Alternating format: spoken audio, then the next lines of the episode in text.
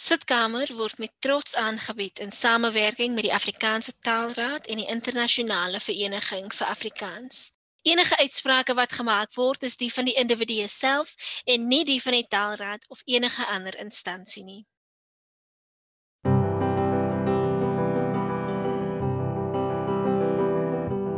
Dames en here, vergun my om u voor te stel aan Breiten Breitenberg. Ons is nie alleen nie, sê Jacques Silverstein. My ma Ons glo besef aldag meer ons in gesamentlike aandeel in die lot nooit van die iets mens. sê nie. Bly by my met jou wit uiltjies sodat ek vergeet van my afstand. Bly by my wanneer die aarde se onderlyf skeur en my klein eiland. Niks anders skiet my binne as jou regheid in die oë te kyk. Is soos 'n ver van my Totdat ek sit en die nade trek los. Waarteen waarsku ons pla my huismaats so. Ek is wat ek is.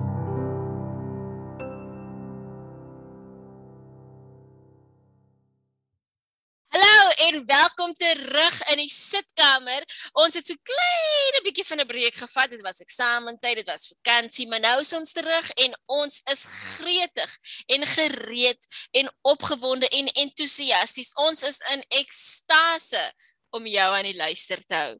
In vandag se episode gesels Alwyn saam met Mariet van Graan. Mariet is 'n letterkunde dosent aan Unisa en dan gesels sy ook saam met Jonathan Amit, die bekende boekresensent. Hulle praat onder andere oor hulle liefde vir boeke en stories, biblioteek eskapades uit hulle kinderdae, die onderrig van letterkunde op universiteitsvlak, Afrikaanse leeskultuur en die uitbreiding van die aanbod van genreboeke in die Afrikaanse boekemark. Alwyn tree saam met hulle in gesprek. Jy luister na Sitkamer en ek is nog steeds Mercy Kallemeyer. Lekker luister.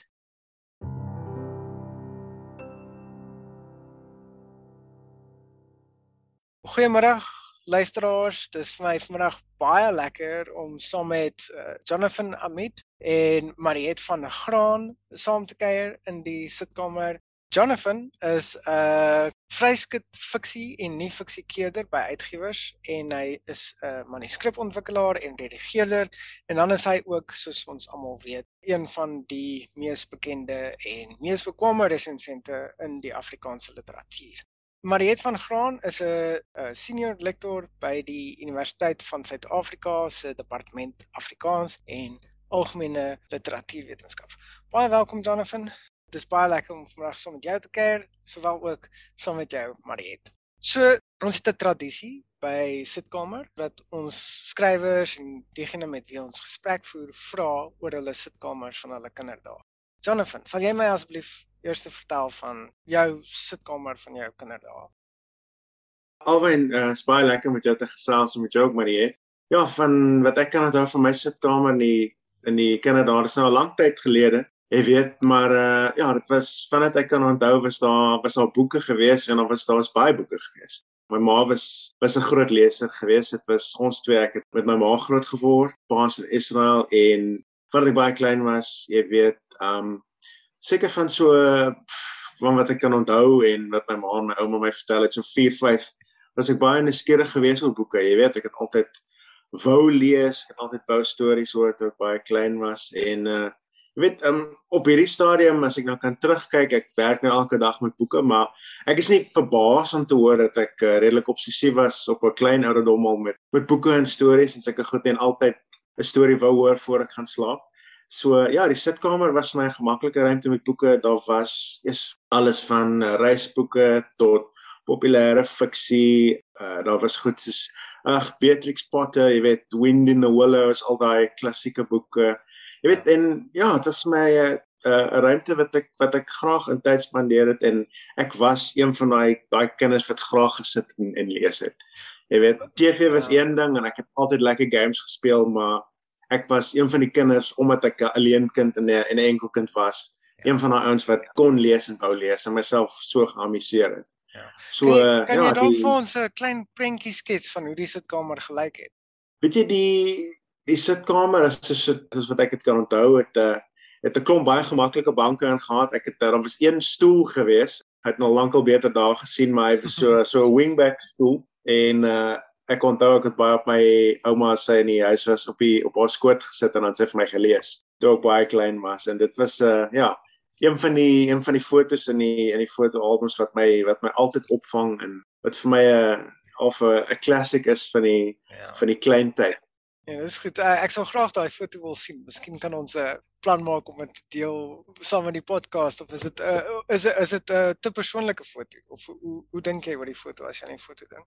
Weet jy dit uh ja, dit laat my dink aan my ouma as ons staan net gehad tot ek tot ek 6 was. Sy is ongelukkig toe oorlede, maar ek kon ek onthou spesifiek die die liefde vir lees, jy weet, en stories en daai nuuskierigheid oor die wêreld. Dit uh het beslis toe uh toe dit begin posvat.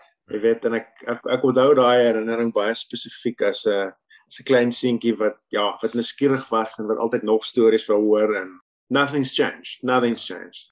Okay, Mariet, kan jy ja. Ons vertel van jou sitkamer? Ek kan aan twee stories dink wat ek kan vertel. Want die sitkamer was ons het nie so Jonathan ongelukkig boekrakke en boeke in die huis gehad nie. Dit was net nie daai tipe huis nie. Ek is die een met die boek obsessie. Maar daar's twee stories. Een wat my ma vertel toe ek baie klein was, nog so 3, 4.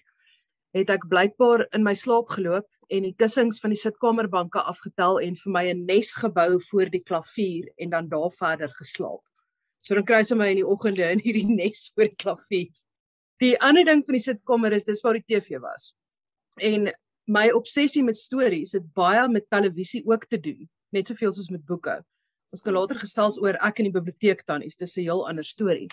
Maar wat met die TV gebeur het is my pa moes gewoonlik saam met ons TV kyk in die aande toe ek op laerskool en hoërskool was want my ma was 'n suster wat nagdiens gewerk het. My pa kon nie TV kyk nie tensy dit rugby was of dit was 'n skopskiet en donder. As daar vir 5 minute in die aksie was, nie het hy verveeld geraak en geloop. En as gevolg hiervan het ek en my broer baie sonder toesig TV gekyk, as ek dit so kan stel. En die goed wat my pa saam met ons gekyk het, was nie noodwendig gepas vir kinders van ons ouderdom nie. Een nag byvoorbeeld, ek dink ek was so standaard 4, standaard 5 se kant. Een van die reekse wat my pa saam met ons gekyk het, was Highlander. Basies 'n ja. klomp onsterflike man, Ah, mense wat op beste. kop en Highlander was awesome. ons was mal oor Highlander en is een van die goed wat my pa se aandag ook gehou het. So hy het dit saam met ons gekyk. En my ma het nagdiens gewerk en sy het iets by die huis vergeet. So ons sit in die sitkamer en ons kyk Highlander. En net op een van daai oomblikke toe hulle kop afkap en die kop trek so deur die lug, maak my ma die voordeur oop want sy het iets by die huis vergeet. En sy het so in die voordeur gestop en gesê: "Thomas, jy kan nie laat die kinders sulke goed kyk nie." En ons draai so om en ons is soos maar ons is al op reeks 2. Jy weet, dis nou te laat om hierdie fyn te stop. Ja, nee. Weet, Maar daar was heeltyd sulke stories. Soos toe X-Files begin het in Suid-Afrika. Oh, Ek het. TV advertensies gesien. Ek was ook so 13, 14 se kant toe dit gebeur het. En toe ek 'n advertensie sien toe, toe helder my hele gesig op en my maat so na my pa gedraai en gesê Thomas, sy kyk dit nie alleen nie. en my pa het nie die geduld vir seker tipe stories nie. So hy het die eerste 2 of 3 episode van X-Files saam my gekyk. Toe besluit hy die lewe is te kort en hy gaan slaap en hy los my dat ek alleen in die nag in die sitkamer in die donker En X-Files dis kyk. natuurlik waar jou obsessie met X-Files begin het. Ek het dit nooit geweet nie. Terwyl ander mense, weet ander kinders van my ouderdom, veral die meisies, het goed gekyk soos Beverly Hills en Dawson's Creek. Ek was besig met Buffy the Vampire Slayer, Highlander, X-Files, Star Trek. Ek was besig met daai goed. So ek was Maar, wat vroeg Nou op daai noot op 'n baie ander pad. van die televisiereeks. Ek weet Hmm. Jonathan, jy het net gepraat oor die baie boeke en The Wind and the Viola is byvoorbeeld in jou ouma se liefde vir literatuur en daar's baie boeke in julle voorhuis gewees. Maar maar net waar het jou liefde dan Mhm. vir literatuur begin? Is dit Okay. spesifiek Afrikaanse literatuur? Wel, dit was vir my Afrikaanse literatuur, Engelse literatuur, boeke. Ek het 'n obsessie met stories. As dit in 'n taal is wat ek dit kan lees, wil ek die storie lees. En vanweë my spesifieke genre belangstelling, moet ek bieg ek lees baie meer Engels as Afrikaans en dis iets waar ons later op kan ingaan. Maar my ding met boeke was ook weer eens omdat my ma en my pa altyd gewerk het, was daar min tyd vir dinge soos biblioteek toe gaan. So ek is biblioteek toe gevat en dan as 'n kind kon jy 3 kaartjies kry, so jy kon 3 boeke uitneem. En dan lees ek my 3 boeke in een dag deur en dan pester ek my ma vir 2 weke om my terug te vat biblioteek. Toe en sy het nie tyd nie, sy het nog nie eens begin met haar boeke nie. So dan lees ek al haar boeke en al my ouma se boeke en my pa het ook sy biblioteekkaartjies gehad, maar hy het soos een Louis L'Amour boek elke 3 jaar gelees. Daai kaartjies het ongebruik in sy laai gelê. So wat gebeur het is toe ek so 12 jaar oud was, het ek die hele jeugliteratuur afdeling in die Nelstroom biblioteek deurgewerk. Daar was niks oor nie. En toe besluit ek hierdie ding dat my pa nie sy kaartjies gebruik nie is nonsens. En hy sit by sy lesenaar en ek loop na hom toe en ek sê vir hom ek vat pa se biblioteekkaartjies want pa gebruik dit nie. En hy het net gesê, "Oké, okay, gaan aan." Nou, om boeke uit die grootmens afdeling van die biblioteek te neem, het jy daai blou kaartjie van 'n volwassene lid gehad. So, toe vat ek my pa se blou kaartjies die volgende keer toe ons biblioteek toe gaan. En ek loop in die grootmens afdeling en ek het net so met die rak afgeloop en gekyk wat vang my oog. En die eerste ding wat my oog gevang het was Pet Cemetery van Stephen King. En van toe af lees ek vyf sulke dik Stephen King boeke en ek het klomp ander gruwelskrywers ook gekry, Dean Koontz, John Saul, al daai goeters wat kinders nie veronderstel is om te lees nie. Hoe, hoe oud was jy toe? So, dan 12, 13 daar rond. So toe begin ek met die goed. En ek het so 2, 3 weke daarmee weggekom en niemand knip 'n oog nie en eendag kom ek weer by die biblioteek toonbank aan met my stapel gruwelike boeke en die biblioteek tannie het was 'n regte klein dorpie biblioteek tannie. Sy's dierbaar en was baie kennis, maar sy was ook die soort wat 'n oog hou oor die kinders. En toe sy daai boeke so stempel. Toe kyk sy my so en sy sê vir my: "Weet jou ma wat jy lees?" En almal in die biblioteek draai om en kyk na die toonbank en ek is tannie, my ma's net bly ek lees en ek gryp my boeke en ek hardloop. ek van toe af het ek nooit weet hulle het my nooit probeer keer nie. Maar daai tipe houding teenoor wat jy uitneem het voortgeduur. Ek was besig met my PhD toe ek eendag by die universiteitsbiblioteek 'n stapel boeke oor gruwels uitneem. En die oomblik toe die bibliotekaresse by universiteitsbiblioteek ook so drie titels lees, te vra sy ook vir my, watter satanistiese goed is dit hierdie? So ek sê dis navorsing. Ag nee. Dis baie erg. So, Uh, Jonathan, ja. waar, waar kom jou liefde vandaan vir vir die literatuur dan? Of wa, Weet jy, hoe ek- hoe dit hoe dit begin? Uh weet jy my storie is eintlik verskriklik baie dieselfde as as Mariette en ek dink ek het seker al op 'n vroeë ouderdom begin. Jy weet sy praat van van 12, 13 en ek dink ek was bietjie kleiner en ek het begin in Stellenbosch se biblioteek. Uh weet jy al daar was, die dorpsbiblioteek is is lekker groot en was so groot voordeur en dan stap jy in as jy die volwasse biblioteek is onder en die kinderbiblioteek was bo. So ek het vakansies veral het ek gelees soveel as wat ek kon en my ma het gesê nee, jy kan my biblioteekkaartjies ook kry. So ek was hulle het my geken soos 'n kind in die huis daar. Ek was altyd veral in die vakansies en oor naweke was ek altyd daar om boeke uit te neem en ek het my ding gedoen en ek het naderhand vir hulle 'n bietjie kwaad geraak daarbo omdat hulle nie meer nuwe boeke gekry het in die kinderafdeling nie want ek het ek het deur alles gewerk en soos wat ek in die skool was, ons begin take doen, het ek daai goed gelees en ek was vreeslik into geskiedenis en al daai al daai stories. Self lekker opgevoed daar en nou is nog aan die laerskool, maar toe ek begin ja, toe begin dink ek, okay, maar wanneer kry hulle nou nuwe boeke? Jy weet, en mense nuuskierigheid ken nie perke nie en jy weet daar's 'n wêreld wat eintlik net so klein bietjie wyer is as wat hulle vir jou in die kinderbiblioteek sê, want jy kyk, jy kyk allerlei flieks. Jy weet, jy kyk goed wat ja, op daai stadium was daar nog iets soos 'n 2 tot 18, Ja. jy weet, en dit is die tyd van videowinkels. Ja, ja. So ek het yes, ek het ook al die horrors gekyk en ek het begin met die met die Stephen Kings, jy weet die eerste biblioteekboek wat my daar gevang het onder in die biblioteek was Shining. Oh. En daar was daar was twee. Daar was een wat so uitmekaar het geval het en toe was daar hierdie hierdie dik groot print. Ding was 'n Bybel, hy was boer so swaar en toe kyk ek so en toe begin ek so lees. En toe dink ek okay wel, ek het nog nie die fliek gesien nie, maar ek ken al van Stephen King gehoor. Toe begin ek nou lees. Jy weet, en dit was 'n goeie ding, maar dit was ook 'n slegte ding want toe ek begin lees, het kon ek nie ophou nie. So ek het ek het begin met ek het begin met die shine. Jy weet, Ja. en toe het 'n hele wêreld vir my oop gegaan en ek was tot in my wese geskok dat 'n skrywer, 'n manlike skrywer, ek het nog vir my vir my ma oor gevra, jy weet, hoe kan 'n hoe kan 'n man oor dit was vir my 'n skokkende toneel toe ek Carrie begin lees het. Ja. Jy weet, en ek het natuurlik ek het geweet van die fliek, maar ek het nog gesien en toe begin lees ek hierdie boek en reg in die begin van Carrie, ek meen daar is daar hierdie locker room scene, Ja. hierdie openingstoneel, jy weet, en ek skrik my gat af en ek van ek is om, om by 10 of 11. Ja. Jy weet, en ek is skieurig oor hierdie goed en ek tog, ja, maar ek sou nooit gedink het dat iemand hieroor gaan skryf nie. Maar ek lees en ek wil obviously weet en ek is nuuskierig oor hierdie karakter en ek lees en ek lees en ek lees en toe het vir my begin, jy weet, en toe soek ek nou dikker boeke. Want nie al die Stephen King so dik. Toe begin ek met sy kortverhale en met uh different seasons en toe was daar uh, Dean Koontz En hy het lekker dik boeke. Jy weet Ja. die die Ja. Dean Koontz is 'n 5 of 600 of 700 woorde boek en dit ek al die Dean Koontz steen gewerk en Clive Barker. Jy weet en ek het myself geniet. En ek het gedink, okay, wel, jy weet daar's 'n heeltemal 'n ander wêreld waarvan meeste mense my ouderdom nie weet nie. Ja, dis En dit het ook gepaard gegaan met die hele einde van die van die 90s met musiek. Jy weet die hele grunge scene. ja, ja. So, Dis baie geïnteresseerd in die hele alternative goed. Jy weet grunge musiek, popkultuur, dit was die heyday van MTV toe daar nog musiek Ja. op MTV. Jy weet al daai goed.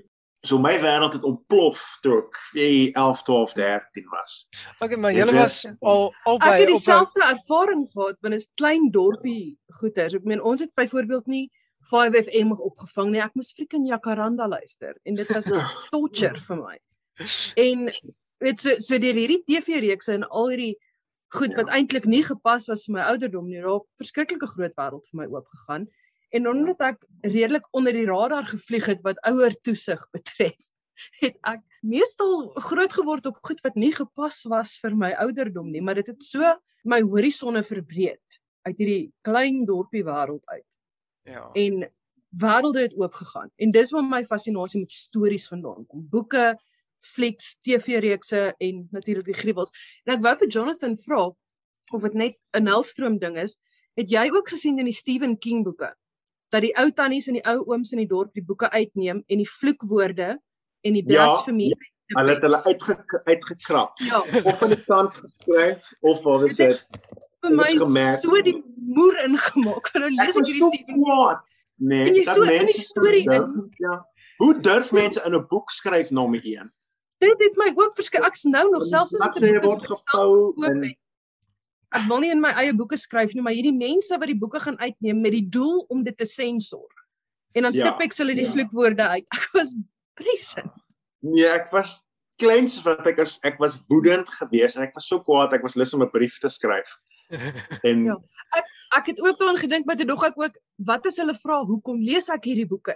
Ja. So ek wou nie Ja, ja, ja. Ja. Double ek het 'n goeie ja. stelsel aan die gang gehad en ek wou aanhou wegkom daarmee. Nou, nou, maar julle julle het alsvoor half eh, gesê van julle lees agter 'n storie aan. Julle is albei lesers op jong O. ouderdom gewees. Maar wat wat presies is 'n storie as ons nou teoreties daaroor nadink?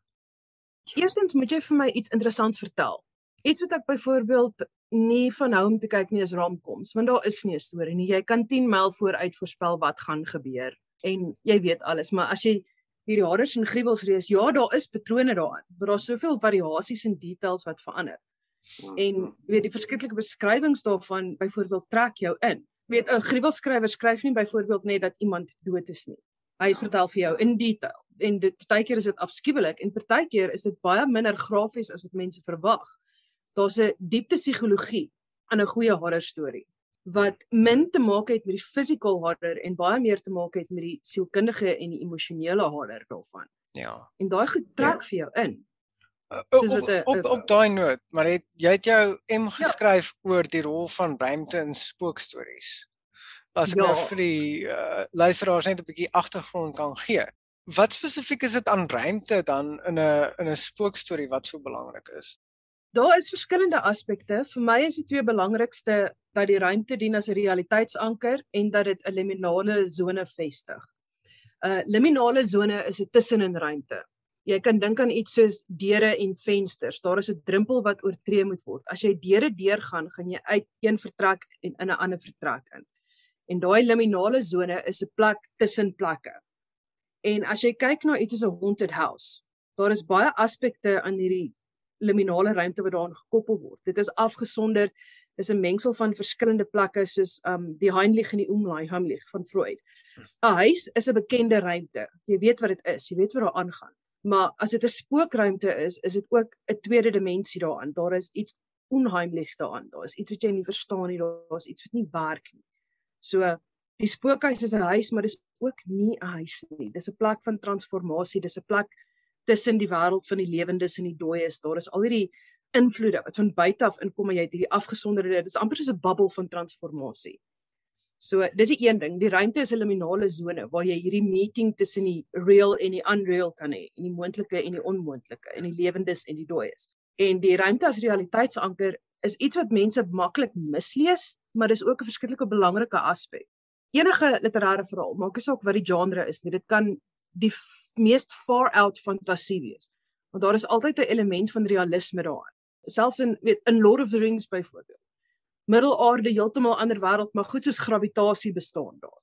Mense moet taal gebruik om te kommunikeer. So dis iets wat jou anker aan wat jy as werklik aanvaar. En wat in spookstories gebeur, veral in kortverhale, is dat hulle die ruimte in verskriklik baie detail beskryf. Nou onthou 'n kort verhaal het 'n skrywer 'n baie beperkte hoeveelheid spasie om sy storie te vertel. En as jy 'n storie van 10 bladsye skryf en jy spandeer 2 bladsye net om te beskryf hoekom lyk die ruimte so of hoe lyk die ruimte, is daar 'n dis 'n anker wat jou intrek. Die bou van op Wolgerdal van uh, sê jy Langehoven byvoorbeeld. Is daar 'n 'n lang toneel waar die karakter vir die eerste keer in die spookhuis inkom en dan beweeg hierdie onsigbare spook deur die vertrek. Hy kan nie die spook sien nie, maar hy sien voetspore wat val in die stof. Hy sien 'n stoel wat uitgetrek word. Hy hoor die stoel kraak as iemand daarop gaan sit, maar daar is niemand nie. So die ruimte anker daai realiteit van hier's iets onwerkliks aan die gang en jy kan dit sien in die realiteit van die ruimte. So dit was die twee hooffunksies van ruimte in Afrikaanse spookstories ja, wat ek in my en Jonathan, jy het gesê net nou as voorbeeld gebruik 'n geskiedenis as 'n storie. Het jy gesê toe jy gelees ja. het. Jy jy lees 'n enorme klomp genres vir jou werk as resensent. Watter stories is vir jou die mees aantreklik? Sure. OK, hier kom 'n hier kom 'n baie lang antwoord. Ek hoop julle okay. albei is nie terug. Ja nee, um, reg. uh ek gaan ek gaan terug gaan na jou vraag oor oor wat dit wat 'n teks is. Jy weet en wat 'n storie is en ek dink vir my veral die ek sou sê in die in die hoërskool toe ek baie verskillende goed begin lees het, ek meen net jou jou voorgeskrewe boeke, jy weet en dan begin jy bietjie weier lees. En ek dink een van die boeke wat vir my besonder interessant was, ek het eendag in die klaskamer gesien my Engelse juffrou. Ek het vir gevra, "Kan ek hierdie boek leen? Ek wil hom huis toe vat en ek sal dit môre bring." So ek wou nag lees, was Catcher in the Rye geweest. die hele karakter van Holden Caulfield en sy anti-establishment houding, jy weet, in teen phony mense en die hele die hele wêreldblik van 'n 'n karakter. Ek het nie geweet wat 'n beeldingsroman was op daai stadium nie, geen idee gehad. Maar ek het geweet ek kon identifiseer in sy verhaal oor die karakter wat dinge beleef en hy's nie dieselfde mens as wanneer die storie klaarmaak wat hy was in die begin. My baie nuuskierig gehad. Jy weet, en toe ek begin begin vra vra oor Amerikaanse letterkunde. En ek was nuuskierig. Um, ek moet hierdie nou seker nie hardop sê nie want uh, maar miskien kan ek want dit is nou al lank genoeg van dat ek in die skool was. Jy weet, maar ek het vreeslik baie opgelees van ander boeke en toe dit nou kom by die matriekeksamen, toe het ons hierdie studiegroepies gehad en ek het net op daai soure soveel gelees en ek was so nuuskierig oor boeke dat ek net gesit het, okay, en 2 ure voor die eksamen het ek vir die mense gesê, hulle moes 'n toegangsfooi betaal. Ek kan nie onthou hoeveel dit was nie toe ek vir hulle gesê, okay, maar ek dink hulle dit vra en miskien dit en jy sal slim klink as jy nou vir hulle hiervan en hiervan hiervan vertel en op daai stadium het ons nog goed so skringe in 'n bos en wonderlike wonderlike Afrikaanse tekste gedoen en en poesie, maar om terug te kom by die hele idee van die Amerikaanse letterkunde, jy weet, ek het baie aksieflieks gekyk toe ek klein was en ek het nog altyd baie van westerns gehou en toe die hele idee vir my begin posvat maar daar's 'n hele letterkunde hier wat gaan oor die frontier jy weet en oor uh mense wat goed ontdek. En toe sien ek myself half as hierdie Odysseus figuur. Jy weet jy's nou in matriek en jy het baie hubris en jy's skieurig oor alles en dan dan begin jy op hierdie ontdekkingsreis en dan gaan jy weer terug na die biblioteek toe en dan dan begin lees jy en dan begin jy regtig boeke te koop jy weet want jy het 'n sakgeld en jy kan nou spaar en jy kan nou eintlik lees wat jy wil. Yes, dan begin jy dan begin jy lees en dan begin jy gesels met mense oor boeke en dan kom jy by iemand soos John Irving. Regte letterkundiges, jy weet, en dan lees jy iemand soos Don DeLillo. Jy weet in 'n boek soos Underworld. En dan kan jy nie glo dat 'n skrywer 'n boek van 'n 1000 van 'n 1000 bladsye kan skryf nie, maar dan dan maak dit vir jou sin. Dan lees jy en dan raak jy al hoe meer nuuskierig oor wat jy lees en dan begin jy weier te lees en dan begin jy vra vra wat jy lees en dan besef jy op, op 'n dag die lekkerste ding wat by kon gebeur het was toe Paul Auster sy New York trilogy gelees het. Jy weet en dit het my hele wêreld verander en die manier hoe ek na na boeke in en tekste kyk. Jy weet, en toe het ek besef okay, maar daar's iets met die naam uh metafiction. It was this penny that dropped in hierdie gordyn het vir my oopgegaan en toe was dit vir my okay, hier is 'n genre wat spesifiek stories en verhale en die die onderbou van 'n verhaal wat dit letterlik gaan manipuleer om letterlik nie net te wys hoe slim die skrywer is nie, maar om te kyk hoe ver 'n storie kan gaan. Toe ek besig was met my voorgraadse studie, jy weet, en ek het vakke soos geskiedenis en sielkunde en politiek gehad wat ook eintlik oor teks te gaan. Hm. Maar toe ek regtig begin dink, okay, maar hier is 'n hele wêreld van stories wat bestaan. Toe ek so wyd as moontlik begin lees, jy weet. Ja, ja. Toe ek uh ek was mal oor metafiksie. Ek het vreeslik baie Afrika letterkunde gelees. Ek het nogal gedink dit is swaar, jy weet, en nie noodwendig die mees to toeganklike stories nie, maar ek het dit vreeslik geniet en ek het regtig die wêreld van Afrikaanse letterkunde ontdek. Jy weet in die die magdom briljante skrywers wat ons het. I mean, jy ken nou Bruiten se werk baie goed. Jy weet maar almal van Bruiten en dan dan lees jy Etienne van Heerden, jy lees Eben Venter, uh 'n Marlene van Niekerk. Jy weet 'n boek soos Agat, uh Triomf. Net net die net die hele wêreldbou, die taal, die manier van van kyk na hele samelewing in een boek. Dit maak vir jou 'n hele wêreld oop. Jy weet so ek was nog altyd baie mal oor die die letterkundige aspek van boeke. Maar ek het ook in my my laat 20s, want ek was nog altyd mal oor misdaadreekse en daai tipe goed, jy weet die idee van 'n raaisel om op te los. Toe ek uh indringend weer baie intens misdaadfiksie begin lees en dit is ook die tyd wat die wat die Suid-Afrikaanse misdaadroman die laat 2008 2009 jy weet toe Dion Meyer nog heeltemal populêr was nie maar uiteindelik begin toe ek regtig op misdaadfiksie toegespits.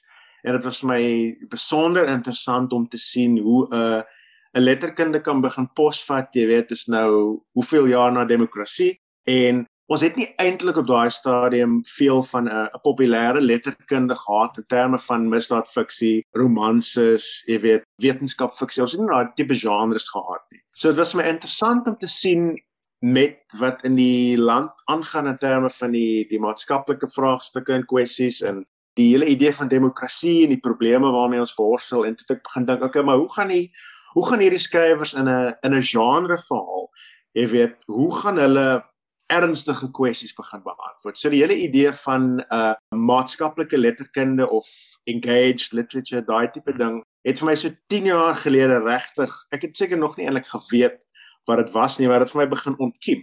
En oor die afgelope dekades soos soos wat ek gelees het, het ek regtig begin kyk na die die letterkunde wat ons het en begin uitpleis ek wat die boeke eintlik doen.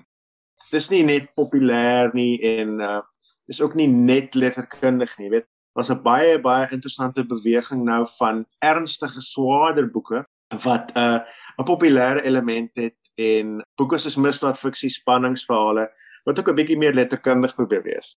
So dit is vir my een van die interessantste tendense wat ek al opgetel het. Maar ja, daar is daar is so geweldig baie wat eintlik op die oomblik aangaan in die in die Afrikaanse letterkundige ruimte. Jy weet, dis my vir 'n klein taal, jy weet dis 'n dis 'n meneertaal eintlik. Jy weet, ons is nie op die suidpunt van Afrika. Um, wie weet nou eintlik wat ons letterkunde aangaan, maar daar's soveel goed wat gebeur. Ja. En ja. uh ek dink uh daar word wonderlike werk gelewer. Jy weet, I mean, as jy kyk na die kortlyste van pryse wat byvoorbeeld nou bekend gemaak is met 'n boek soos Willem Anker se Skepsel. Ja. Dit is 'n uh, yes, dis 'n dis 'n fenominale boek. Ja. Jy weet jy Dis ook nie net Ja. asof dit net ons groot romans is wat wat die waar deur die drifttrekking is ook jeugliteratuur. Uh en 'n klomp jeugliteratuurskrywers wat opkom en kinder- en jeugboekskrywers en allerlei genres. absoluut. Ja, weet jy die die poesie vir byvoorbeeld. As jy gaan kyk na opkomende uh, digters van kleur, jy weet, um, iemand soos, soos Ryan Pedro, Mm. jy weet Jolyn Phillips, uh Ashwin ver- Arends se byvoorbeeld. Veronique Um, Jeftas. Veronique Jeftas, jy weet hierdie en hulle is jonk. Ja, Hulle ja. is van 'n nuwe generasie, hulle is vreesloos. Jy weet hulle het nie daai politieke baggage wat baie van die die ouer skrywers het wat onder apartheid groot geword het en ja, hulle het nie daai daai gevoel dat hulle 'n sekere soort verhaal moet skryf. Hulle kan eintlik dig of of skryf Ja. waaroor hulle wil. En En hulle en kan nie so taal gebruik wat hulle wil. Ja. En dis dis vir my en, baie en dit is nie net asof dit uh, uh, jy moet of standaard Afrikaans skryf of in jou dialek Ja. nie. Ek dink albei is gangbaar. Ek meen dit is dis meer 'n en en as wat dit 'n of of is. Jy kan nie hierdie of daai nie. Ja. Dit dit is dis nou oop terrein en dit is wat so opwindend is. dis vir my baie opwindend. Ja, uh Mariet, jy's ook betrokke behalwe vir ehm um, jou werk oor Etienne van Heerden het jy ook heelwat werk gedoen na die laaste ruk oor drama skryf en jouself ook 'n digter. Watter Ongepubliseerde digte. Kom ons wees net spesifiek op daai. Ding. maar- vir maar nou. Ja. Eendag eendag as ek groot is, sal ek my bundel klaarmaak. Vandag is nie daai dag nie. Ja, maar vertel ons van jou belangstelling in uh romankuns nommer 1 en dan tweedens oor die ander genres. Die een wat jy beoefen, die digkuns en dan ook die drama. Vir my is dit verskillende forme van storie vertel. En soos ons van die begin af gesê het, ek is iemand wat agter die storie aan is, heeltyd. Toe ek 'n student was, het ek nogal 'n hekel gehad aan hierdie voorgeskrewe literêre werke wat ons moet lees omdat dit die kanon is of dis die classics en dan lees ek en dit is 'n vervelige storie. In tweede jaar onthou ek ons Engelse romantic and Victorian literature lees, toe kry ons Charles Dickens en wat is daai Tessa of the D'Urbervilles en ek was Mhm. ontsettend verveeld. Want ek weet nie daai boeke het in my aandag getrek nie. Natuurlik, soos 2 jaar nadat ek gestudeer het, toe verander hulle die voorgeskrewe boeke vir daai spesifieke vak en toe mag die kinders Frankenstein van Mary Shelley lees en ek is ekskuus kon julle dit nie gedoen het toe ek daar was nie. Dit is so soveel meer pret gehad het. Ek het 'n paar dosente, ek dink ligtelik geïrriteerd toe ons byvoorbeeld ons derde jaar skripsies moes doen, kon ons kies waaroor ons wil skryf. En vir my Engelse derde jaar skripsie het ek 'n ding gedoen oor die evolusie van vampire letterkunde Mhm. en ek en uh, Victoria Roodmond. En ek het ook 'n ander groot projek gedoen wat ons um ons moes iets doen oor Charles Dickens en toe gaan vergelyk ek Charles Dickens se boeke met Stephen King se The Green Mile se skryftegnieke want The Green Mile was geskryf as 'n chapter book. So hy het nie as een boek uitgekom nie, hy het as hoofstukke uitgekom in verskillende afleweringe. En baie van Charles Dickens se boeke het so ook as episodiese stories in koerante en tydskrifte en so aan verskyn. So toe ek nou met hierdie idee na professor Wenzel toe gaan, toe kyk sy my net so en sy sê, "Why do you insist on the Stephen King?" Sy het my sy het my gelos dat ek aangaan met my projek en ek het 'n baie goeie punt gekry daarvoor. En ook so daai evolusie van van vampire letterkunde het ek in my honeursjaar as 'n film referaat ook oorgedoen. Want dit was agter die storie aan. As jy begin delf onder hierdie stories, wat is die boustene daarvan? Dit was vir my die fascinasie want horror word gebou met boustene wat mense maklik aflag want hulle vergeet eintlik waar kom dit vandaan. Spookstories byvoorbeeld spreek tot een van die grootste vrae wat mense het. En dit is wat gebeur met my wanneer ek doodgaan? Spookstories is 'n manier om daai vraag te explore. En ja. mense vergeet van daai diep psigologiese, ek wil amper sê blueprint van waar kom hierdie tipe stories vandaan? En hulle sê haha spooke is nie real nie, ons weet. Dis nie waar dit gaan nie. Spookstorie is nie 'n soort van kom ons bewys dat hierdie goed verstaan nie. Dis 'n ontkenning van hierdie onderwerp wat op baie verskillende maniere na vore kom. En die drama en die poësie sien uit dieselfde ding. Wat is die boustene van hierdie storie?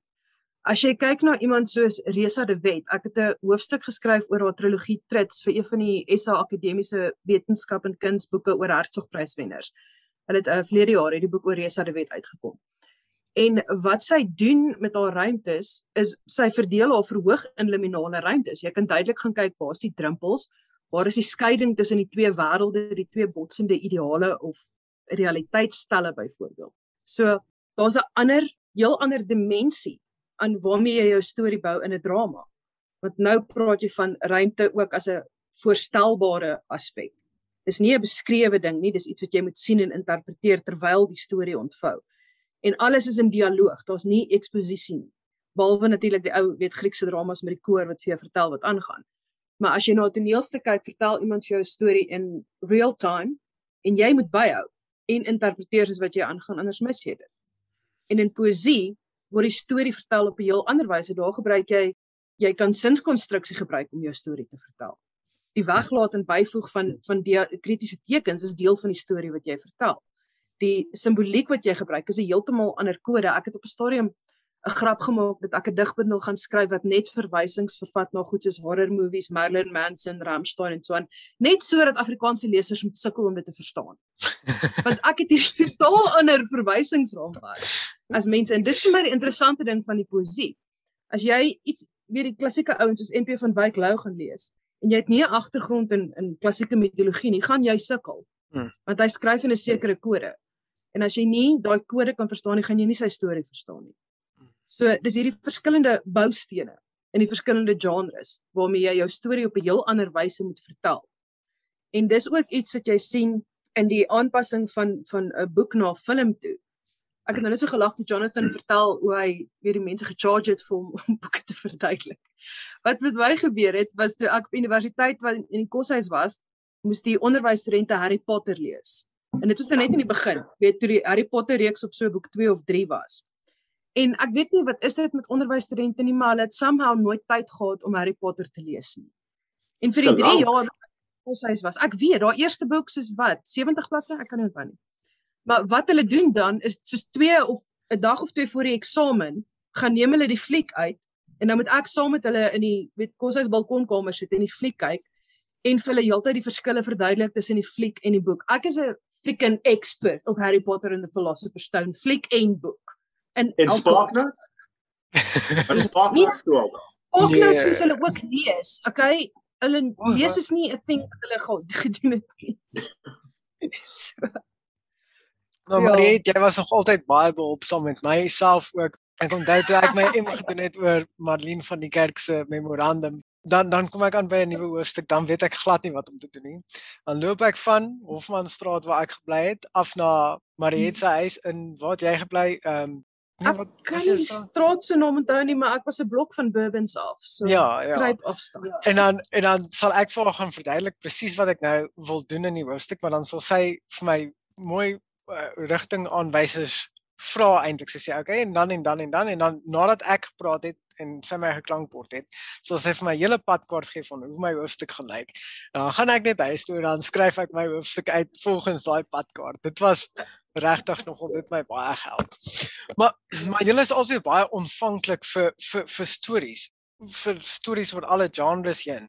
Hoe gaan jy te werk in hierdie ontvanklikheid ten opsigte van stories om dit nou in Jonathan soos in resensies in te sit, in in skryfwerk in te sit. Mariet, hoe gaan jy daarmee te werk om met hierdie stories wat jy kry in studiegidse in te verander in jou daaglikse werk? Um ek wil lekker aansluit by wat Mariet gesê het van die van die hele boustene van 'n teks. Jy weet, dis vir my nog altyd, ek dink seker die afgelope 20 jaar, die mees interessante vraag wat ek oor 'n teks kan vra is vir my daai daai link tussen wat I mean in plain Engels form and content.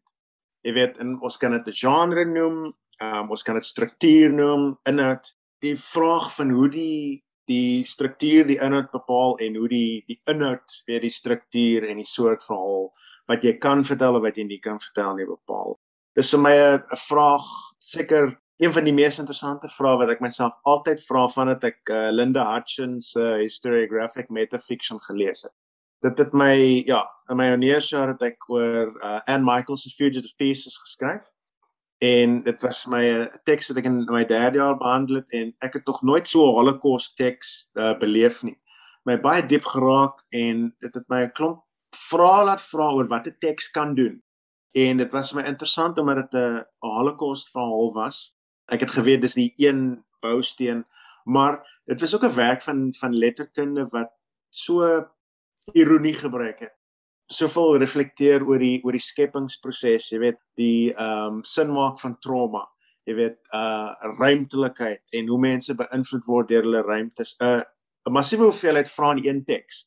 En dit het vir my baie laat dink oor die oor hierdie verhouding tussen tussen inhoud en struktuur. En soos wat ek nou al hoe meer vir 'n lang tyd nou ehm um, baie lees en resensies doen en sulke goed. As mens dink oor die vraag van genre is dit eintlik so bepalend, jy weet want mense dink aan 'n teks en hulle dink okay dis nou 'n lekker boek en wat sê dit en gaan ek dit geniet en is dit lekker lees? Maar dis eintlik nie die regte vraag wat jy moet vra nie. Die genre self is is so belangrik want 'n uh, 'n speurverhaal weet jy is nie dieselfde ding as 'n uh, 'n thriller of 'n psigologiese of 'n sielkundige thriller jy weet 'n geskiedkundige roman is nie dieselfde as 'n uh, 'n romanse nie. Hulle is heeltemal verskillend. En as jy eers die die werk kan plaas in sy konteks, jy weet, en weet wat die teks probeer doen, dan kan jy begin meer indringende vrae vra soos wat die teks reg kry en die verskillende strategieë en daai soort goed.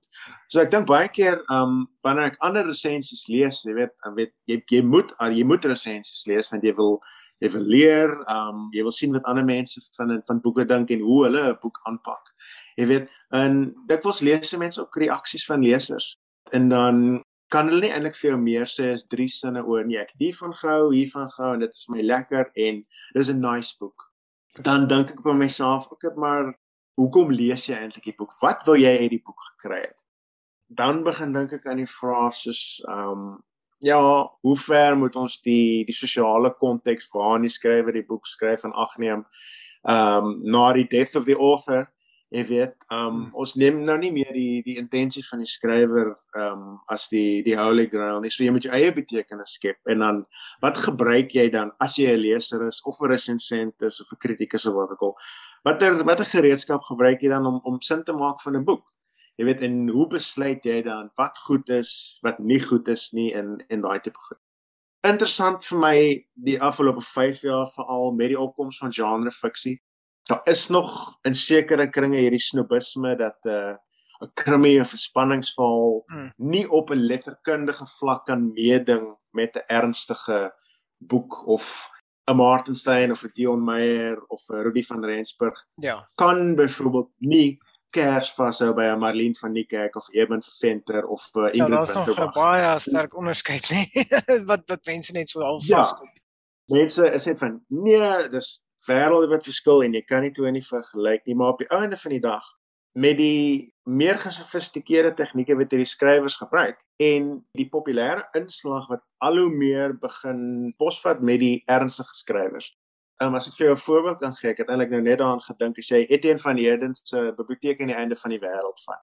Dis 'n ongelooflike boek, jy weet dis honderde bladsye, dit kom met hierdie massiewe lading van maatskaplike kwessies en die hele konteks van fees was vol, studenteopstande, jy weet die agteruitgang van die land.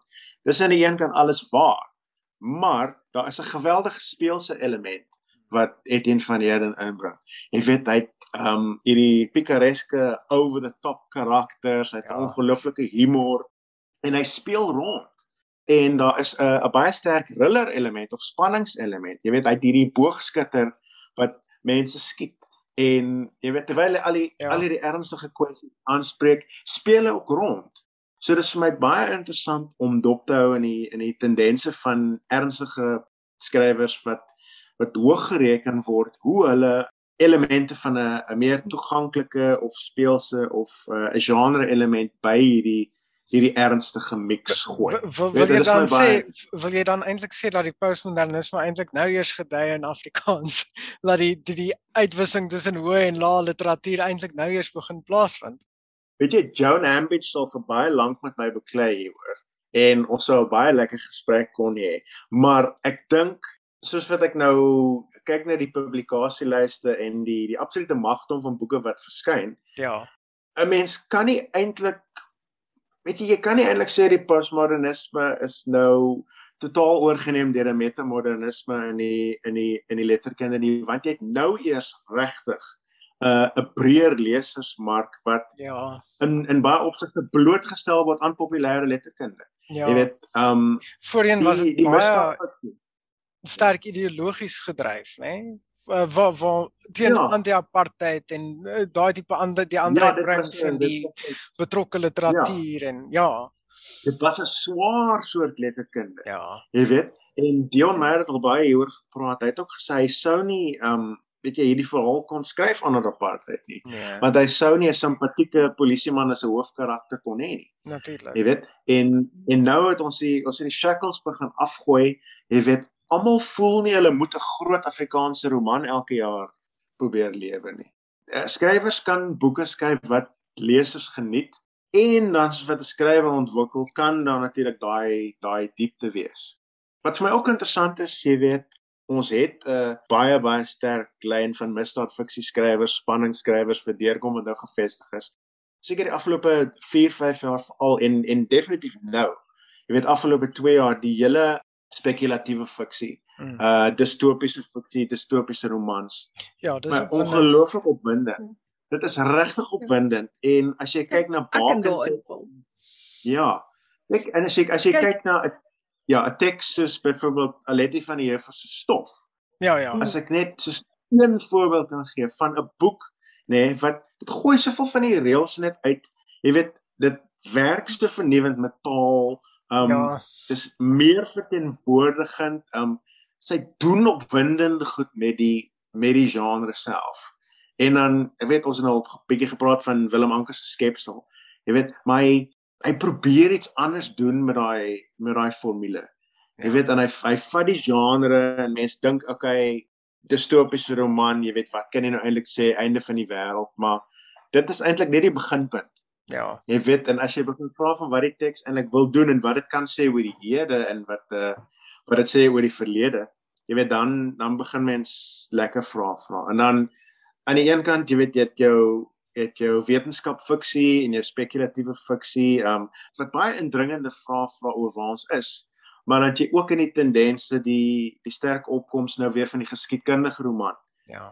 Jy weet en baie populêr, um iemand soos Marina van Sail, Zirk van der Berg, um Janet Ferreira, um daar's baie skrywers wat nou weer gaan delf van die geskiedenis. Ja. Jy weet om om iets te sê van van waar is op die oomblik. So ek dink ons skrywers doen interessante goed en een ding as ek nou 'n wens kon uitspreek is die die feit dat uh nie almal toegang het tot 'n 'n letterkundige joernaal of 'n uh, 'n tydskrif vir letterkunde en daai tipe goed nie. Mens wens eintlik en dit was my interessant om dit laasweek raak te lees uh in die Vrye Weekblad waar Ja. Skalk Skoombe praat oor die die resensies en die die ruimte wat afgestaan word aan resensies en kritiese besprekings van tekste en sulke goed. Ek dink daar's 'n wil, maar ek dink ons het beslis in die die populêre in die openbare domein veel meer plekke nodig en veel meer meer geld nodig wat ingesit word in ruimtes waar ons hierdie tekste lekker kan bespreek. Ek stem weet, 100% en saam, ja. vir die, breër leser ook 'n bietjie meer van 'n opgevoede en ingeligte mening kan gee. Jy weet, as jy vat 'n uh, iets soos vrouekeer, wonderlike besprekings wat Willie Burger elke maand gelewer het. Jy weet waar hy die die man op die straat regtig opvoed oor genre en hy wonderlike werk doen. Jy weet, dis nou net weg. Ja, En daar's 'n-. Daar's daar's 'n leemte. Dis vir my baie hartseer. En dan dan maak jy soms 'n uh, 'n Sondag koerant oop. Jy jy dink nou, okay, ek gaan nou lekker, ek gaan nou hierdie week ten minste 3 of 4 resensies lees in die rapport. En dan heel waarskynlik weens begrotingsbeperkings en sulke goed dan is daar miskien een resensie of daar's uh reklamemateriaal en sulke goed. So ek dink daar is in die die openbare gesprek, daar's daar's baie meer wat gedoen kan word. En dis hoekom ek dink ja, I mean 'n platform so sitkamer is dan baie belangrik. Dit doen iets om my om my gap te vul. Op daai noot, uh Marie, het jy wou nog ingeval het net hè by Etienne van Heerden dink O, ek. daar was o, daar was soveel punte waaroor ek kon inval. Oor Etienne van Heerden kan ek vir ewig aangaan want ek het my 400 plus bladsye teses geskryf oor Etienne van Heerden. En as jy nou praat oor genre, eerstens die genre label wat jy op 'n boek sit, het 'n goeie en 'n slegte kant. Aan die goeie kant, weet as jy 'n boek bemark as hierdie is magiese realisme en ek hou van magiese realisme, gaan ek daai boek wil verkoop. Maar jy beperk ook half die leser se interpretasie van die boek want jy sê vir hom dis magiese realisme, so nou lees jy dit soos magiese realisme. En wat Etienne van Heerden die spesifieke boeke waar ek geskryf het was Stoorberg Stoetmeester en Die Swye van Mario Salviati. En ek het hulle geanaliseer as spookstories binne 'n heel ander raamwerk en met baie interessante dinge vorendag wat goed wat ek gedink het is interessant in elk geval. So hierdie genre klassifisering en nou dat jy praat van misdaadfiksie, dis 'n artikel wat ek vir Stelet geskryf het so 2 jaar terug. As jy praat van spesifiek die gothic en die horror, die gotiese en die gruwel. Daar is verskriklik baie oorvleeling tot so 'n punt dat jy amper nie kan onderskei tussen dit nie. En terselfdertyd is daar soveel honderde weet subkategoriserings van die goed dat jy basies enige boek kan lees as gothic. Want die kern van gothic is 'n uh, gevoel van angs of vrees of beklemming. En met daai een, hoe kan ek sê, kenmerk van die genre, kan jy byvoorbeeld Jack Shear het 'n verskriklik goeie artikel geskryf waarin hy Triomf van Marlene van Niekerk as 'n gothic roman analiseer. En hy's nie verkeerd nie. Daar is aspekte van die goties daarin, maar as ek na Triomf kyk, dink ek nie onmiddellik gothic nie, want waar's die kastele, waar's die spooke, waar's die goeters, maar daai onderliggende tema van vrees is wat gothic en horror aan mekaar bind.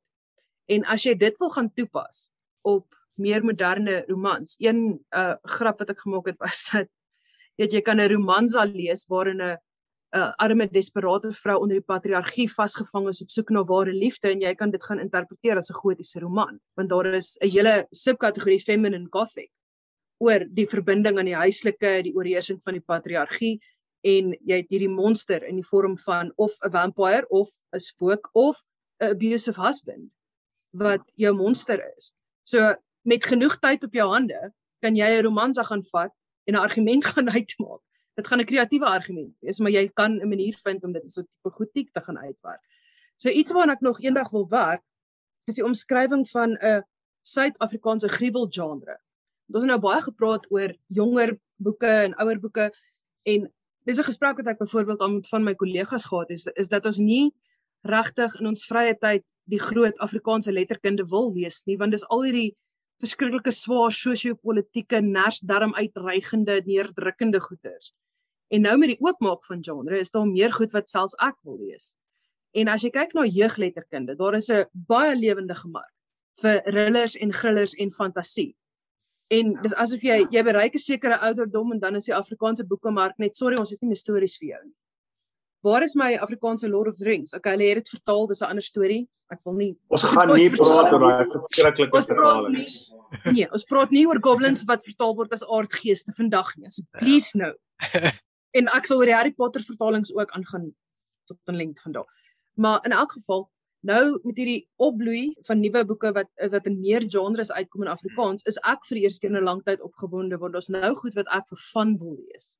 Nie vir Ja. nie. Ek, ek vat soos byvoorbeeld Lapa uitgewery gee die fantastiese mees fantastiese jeugliteratuur uit. Ek meen ek nou nou die dag Buster gelees van Jan Vermeulen, hierdie wolk Dit van is wonderlik. Alles. Ja, ja, en 'n uh, uh, Jungo Josh, ek weet nie wie dit uit nie. Ehm um, wie wie dit uitgegee? Jungo Ek dink dit is NB, dalk NB.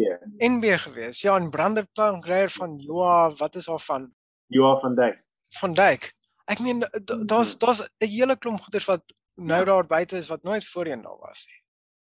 Ja, en dan as jy nou teruggaan na hierdie genre klassifikasie kwessie toe, een van my idees wat ek nou nog nie die volledige artikel en navorsing oor geskryf het nie, is dat jy hierdie verskriklike oplewing van krimies as 'n tipe Suid-Afrikaanse gruwel genre kan uitmaak. Want dit het kernaspekte van wat die gruwel genre is. Uh boeke soos Thomas Harris se Silence of the Lambs en Helen Belecter O is 'n uitstekende voorbeeld hiervan. Dis 'n vermengsel van 'n psigologiese thriller en die police procedural. Dis 'n Ja. horror en dis ook 'n krimi.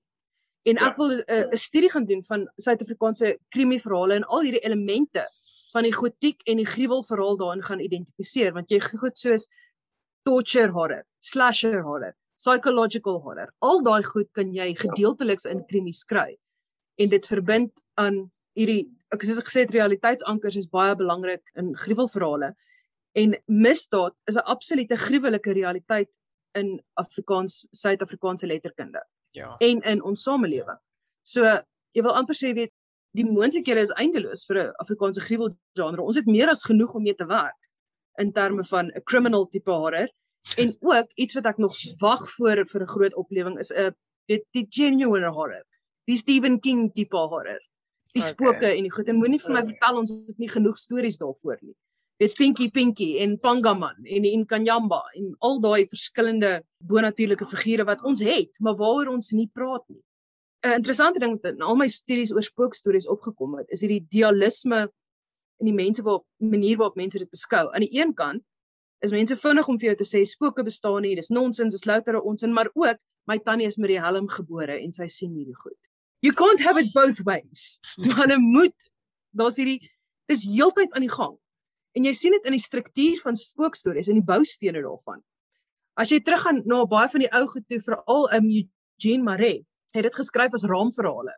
So jy begin met 'n professor of 'n dokter, iemand wat as betroubaar oorkom, of jy sien dit in Langehoven se verhale ook. Hierdie ou by wat wie ek hierdie storie gehoor het, was 'n ouderling.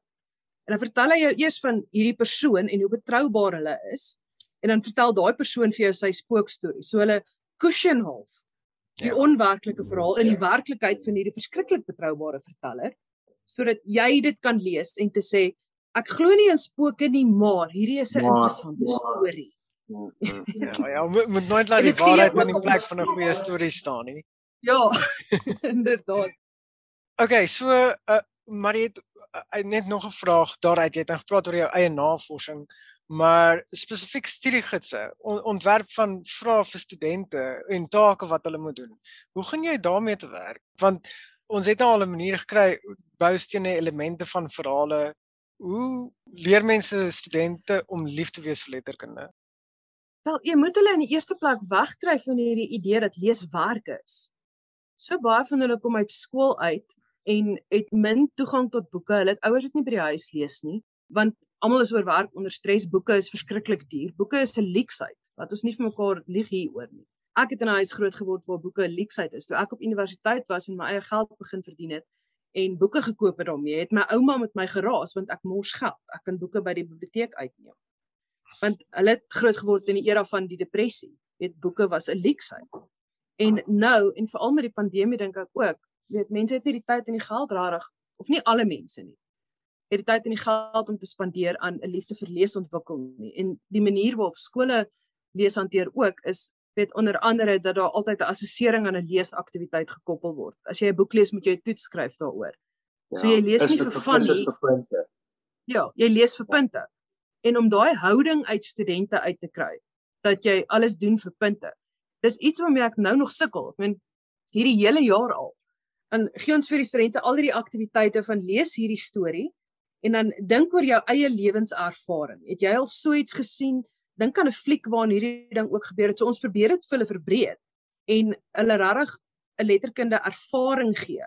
Maar al wat hulle wil weet is gee vir my die memorandum sodat ek die toets kan skryf en die punt kan kry. So daar gaan 'n enorme hoeveelheid werk in om studente uit hierdie mindset uit te kry dat jy lees vir punte.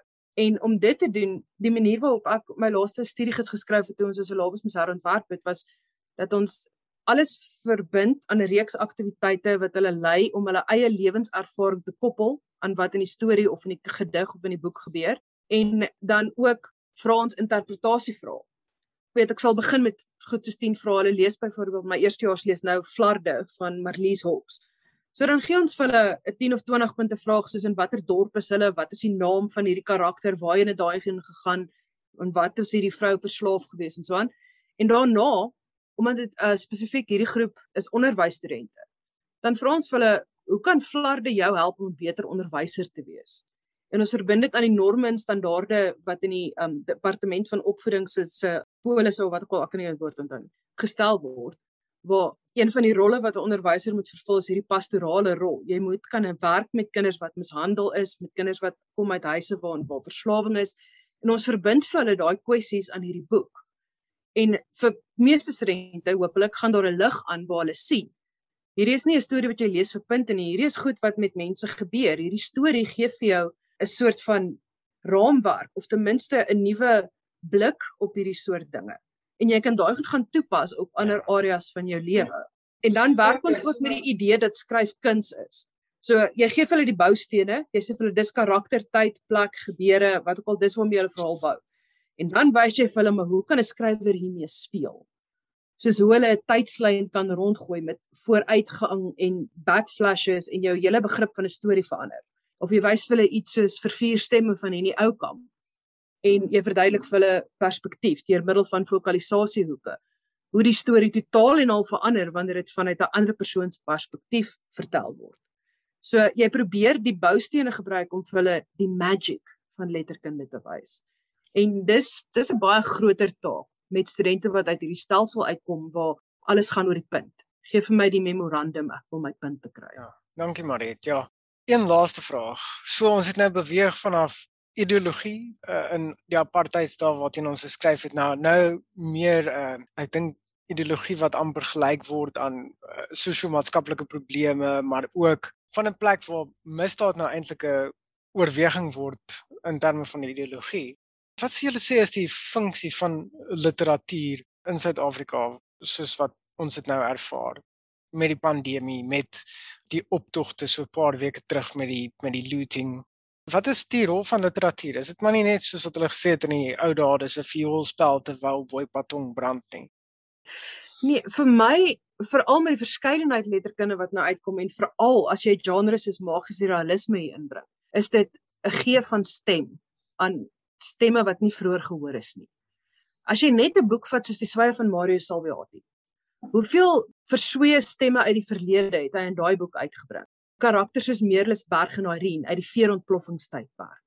Kaptein William Good, die Britse Britse ontdekkingsreisiger. Ons wil nie vandag stories lees oor die koloniale magte nie, maar hier het jy vir William Good en sy son agterryer Slingerveld gesam. Ek sal nie daai klap probeer uitspreek nie.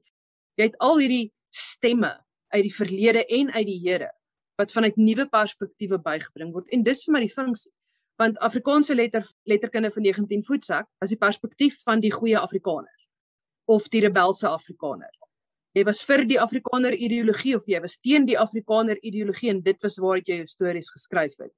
Behalwe nou vir die romansas, dit was 'n heel ander stel ideologie. Maar nou in Afrikaanse letterkunde het jy hierdie ontploffing van genres van nuwe fokalisasiehoeke, nuwe vertellings nuwe details uit die geskiedenis wat deur fiksie weer teruggebring word in die lewe. Dis vir my die funksie. Daai oopstel van wêrelde waar ons vroeër gepraat het. Ek stem 100% met jou saam. Ek dink dis een van die belangrikste goed wat in fiksie nou kan gebeur is om die daai marginale stemme na die sentrum toe te bring en om mense wat nie 'n stem gehad het nie weens letterlik weens wetgewing in hierdie land. Jy weet mense wat wat sosio-polities, maatskaplik wat letterlik stil gemaak was wat gesê het, "Oké, maar julle maak nie saak nie. Julle julle moet stil wees. Julle moenie gehoor word nie." Jy weet, na demokrasie as as ons wil wil sê dat die letterkunde 'n sosiale funksie het en dat dit iets kan verander in die wêreld, dan dink ek is presies wat jy gesê het. Daai letterlike stem gee. Jy weet, en dit kan in 'n verskillende klomp genres plaas soos wat jy nou klaar genoem het. Weet jy, ek dink die die poësie is baie belangrik ek is mal oor die die soort grinterige realisme wat jy in 'n 'n 'n kamfer of 'n trantraal of enige van die nuwe digters wat ons al genoem het, um wat jy daar aantref, jy weet, is 'n is 'n grinterige realisme wat 'n gesofistikeerde stem aan 'n uh, voorheen benadeelde groep gee. Dit kyk na regte drukkende sosio-politiese kwessies. Jy weet, dit sê ook maar my wêreld is nie net geweld en armoede en al hierdie goed wat negatief is nie. Dit gee ook 'n binnewêreld aan mense in 'n subjektiwiteit. Jy weet, dit sê ek is 'n volronde mens. Ek het 'n miljoen verskillende ervarings net soos jy. So, daai skeidslyn tussen wit en swart, as dit nou baie letterlik wil noem, dit is besig om om om te verklei. Dis die sosiale funksie. I mean, as jy kyk na misdaadfiksie, dit doen 'n klomp verskillende goed en die verskillende subgenres doen ander goed. Maar as jy kyk na 'n speurverhaal, dis 'n gewoonlike verhaal wat begin met die met die moord en daar's 'n ondersoek en antwoorde, maar as jy dit dieper gaan lees, is ook 'n soort nasionale narratief. Jy weet, omdat almal deur misdaad geraak word en mense soek antwoorde, jy kry daai soort berusting en antwoord wat jy nie in die regte wêreld kry nie.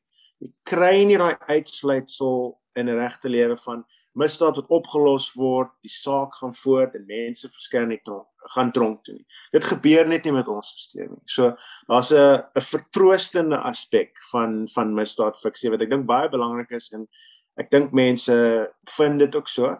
Daar is ook uh heerlike uitsonderings van misdaadfiksie wat dieper probeer kyk, iets so Zola van uh Johan Jack Smith. Baie interessant spanningsverhaal, maar dit het 'n sterk gruwel element Dis 'n stadsroman, kyk baie sterk na rasse kwessies en dis nie is glad nie 'n vertroostende soort roman nie. Dis 'n ontstellende, ontstemmende soort verhaal wat jou dwing om introspeksie te doen en dan kyk jy na waar jy geplaas is in terme van ander mense in in hierdie land. So ek dink genre kan kan baie belangrike funksies vervul. Daar is ook weet ligter goed as mens kyk na bundels en verhale wat uitkom byvoorbeeld ek sou nou dink aan een soos uh Erla Diedrik se Dominique jy weet dit is uh dis 'n baie interessante verhaal um seks is dalk 'n tema maar dit kyk na weet jy die die behandeling van vroue in die samelewing deur 'n genre lens, maar kyk ook na die vraagstukke van feminisme. Jy weet, hoe word vroue op straat behandel? Ehm um, wanneer 'n vroue stem gegee word, word sy ernstig opgeneem? Ehm um, waar is die leemtes? Jy weet, daar is 'n feministiese beweging, maar wat beteken dit op die voetsoolvlak? Wat beteken feminisme vir die swart vrou in die township? Byvoorbeeld, jy kan nie 'n 'n boek soos dit lees en nie bietjie gaan breër dink. So ek dink uh, ons letterkunde doen 'n klomp verskillende goed en ek dink dit doen baie dinge baie goed. Ek dink daar's beslis ook ook leemtes, jy weet, as jy kyk na die nuwe fiksie. Um ons het nou gepraat van fiksie, maar op die op die nuwe fiksie vlak. Weet jy, ek sal baie graag iets anders wou lees as die soort verhale wat nou uitkom, jy weet, uh hierdie finansiële gids of daai finansiële gids of um 'n self-help verhaal van hierdie persoon was nou alkoholus en hy het nou sy lewe verbeter en dis hierdie inspirasionele whatever. Jy weet, um ja. ek sou graag gesien dat jonger mense soos 'n uh, byvoorbeeld nog 'n Azil Kutse sy het 'n belangrike bydrae gelewer, maar ek sou meer van daai tipe boeke wou sien. Jy weet, en ek wil dit sien van 'n uh, so jong swart skrywers ek wil meer fiksie sien van uh breinskrywers, nie net digkuns nie. Jy weet, waar's die romans? Jy weet, mense dink aan 'n Bettina Weingart byvoorbeeld, maar wie anders word gereeld gepubliseer? Jy weet, en waar's daai daai ander stemme wat wat bydra tot 'n tot 'n geheel? So ek dink daar's goeie werk wat gelewer word en ons mense lees. Mense is lief vir lees en vir 'n land met die skokkende geletterdheidsvlak het ons in Afrikaans 'n baie loyale leser wat as hy van 'n skrywer hou of 'n uh, verhaal sien waarvan hy hou, dan gaan hy die boek koop. Jy weet daar's 'n daar's 'n lojaliteit. So ek dink daar is 'n goeie basis um vir skrywers om om voor te skryf, maar ek dink daar's nog daar's nog baie werk wat gedoen moet word en ek dink ons we're only really scratching the surface. Ek wil aanhaak by iets wat Jonathan genoem het oor die vertroostende aspek van letterkunde daar wil ek twee dinge sê. Een, soos Jonathan wil ek meer boeke sien, meer variasie, meer swart skrywers, meer vroue skrywers, meer skrywers van kleur, meer vroue stemme vir feminisme ding en alles. En tesame daarmee 'n groeiende dorpsbiblioteke en mense wat hulle kinders biblioteek toe vat. Want daai vertroostende aspek van letterkunde kom ook daar uit om 'n boek te lees wat buite jou verwagtingshorison is en nog steeds met jou praat. Ons het vroeër gepraat oor weet hoe ons dit skelm eintlik as kinders goed so Stephen King en dis meer begin lees het. Ja. ja maar ja. vir iemand soos ek ja. Wat in 'n in 'n klein dorpie groot geword het met 'n baie rigiede wêreldbeskouing, daar was nie ruimte vir my idees nie. Ek, ek was 'n vreemde kind want ek was besig met die vreemde dinge omdat ek onder die ouer toesigraad daardeur geslip het. En vir my om daai boeke te lees was ontsettend vertroostend. In 'n sin van ek is nie die enigste een wat dink daar's iets anders nie. Ek is nie die enigste een wat dink daar's 'n ander manier nie. En dit het my partykeer nuwe idees gegee om oor te dink. Soos ek het geweet nie van nie, ek het nooit so daarna gekyk nie. In een Stephen King boek byvoorbeeld was daar 'n karakter wat nadat hulle aangeval is deur allerlei goeters is in desperation waar 'n jong 'n ouer man vir 'n jong seun leer die enigste manier hoe ons hier gaan deurkom is as jy aanvaar God is cruel. Hy bestaan maar hy is cruel. En ek het groot geword in 'n verskillike religieuse dopper omgewing en om iets so te sê was totale blasfemie. Maar dit het my baie laat dink oor baie goeders en ek het 'n hele nuwe wêreldperspektief gekry daai en geleer om goed te aanvaar en te verwerp soos wat ek aangegaan het.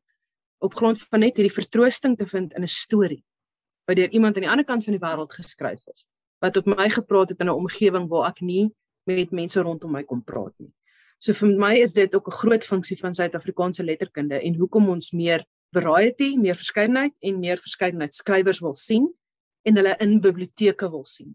En ek wil regtig hê daar moet 'n groot beweging wees na 'n belegging in biblioteke en toegang tot biblioteke om daai idees ook uit te kry en daai liefde vir lees te ontwikkel.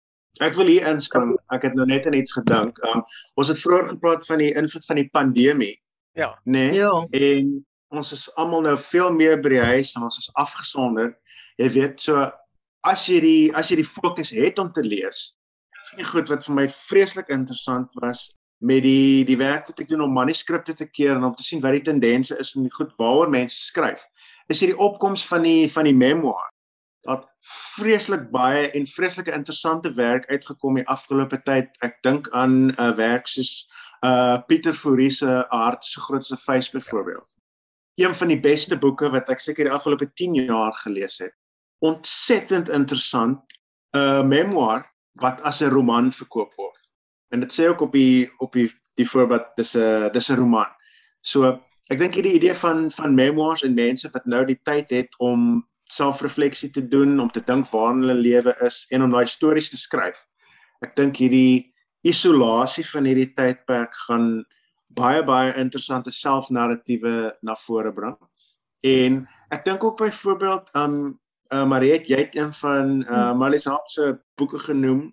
Ek dink aan die die boek die uh Voelvrou. Um ja. wat so duidelik 'n pandemie letterkunde was. Dit gaan juis mm. oor die, die pandemie self. Dis 'n allegory, jy weet, en daai tipe goed. Dit is my uh interessant en ek dink ons gaan nog baie van van daai soort boeke sien hopelik oor mm. wat nou uit uh, 'n laaste punt van soos wat ek nou onlangs gelees het vir my besonder interessant dat die twee wenners, ehm um, nommer 1 en nommer 2 op die die groot romanprys is albei novelles gewees. Klein hmm. klein dun boekies. Jaco Fouché se boek was skaars 120 bladsye. Jy weet, dis 'n ja. distopiese roman en ek gaan erken en ek het dit nou al op Facebook ook gesê. Ek wil nie sê dis underwhelming nie, maar dit het my met baie vrae gelos en ek gaan beslis die boek weer moet lees om 'n finale oordeel daar te kan gee. Dit is my interessant dat daai soort boek gewen het. En dan die die tweede prys was was François Smit se getuienis wat gaan oor 'n letterlike en geestesreis van hierdie hierdie egpaar wat charismatiese Christene is wat op hierdie hulle gaan op hierdie roadtrip. Jy weet en dan gebeur hierdie goed met hulle en mense is nie altyd heeltemal seker van wat met hulle gebeur het en wat nie.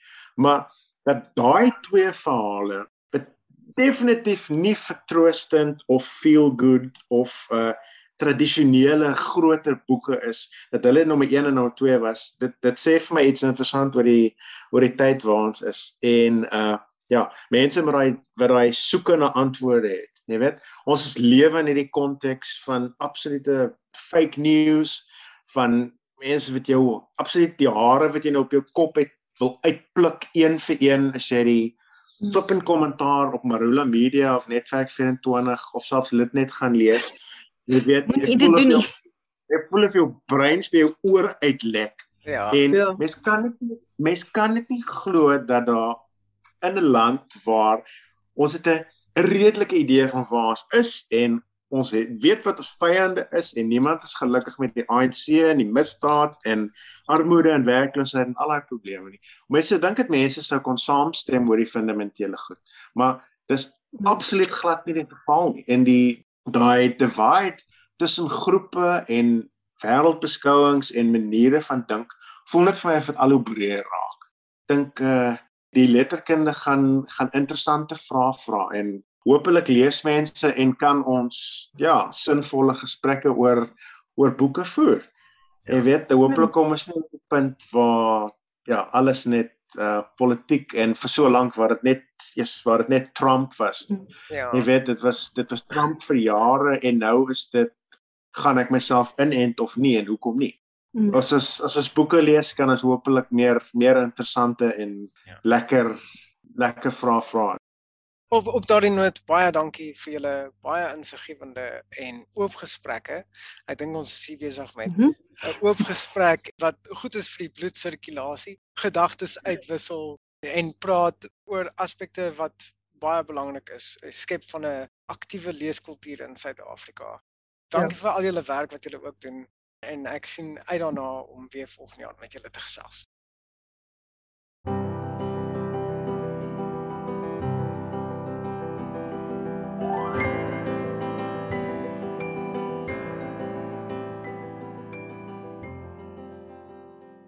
Dit was Alwyn Roo wat gesels het saam met Mariet van Graan en Jonathan Amid. Ek hoop jy het die gesprek geniet net soveel soos ek het en onthou jy kan saam met ons kontak maak. Stuur vir ons 'n e-pos na sitkamerpod@gmail.com of reik na ons uit op Facebook. Dit is net Sitkamer. Daar op Facebook nie ons verkoop nie sitkamer toestelle nie. noem mense dit sitkamer toestelle.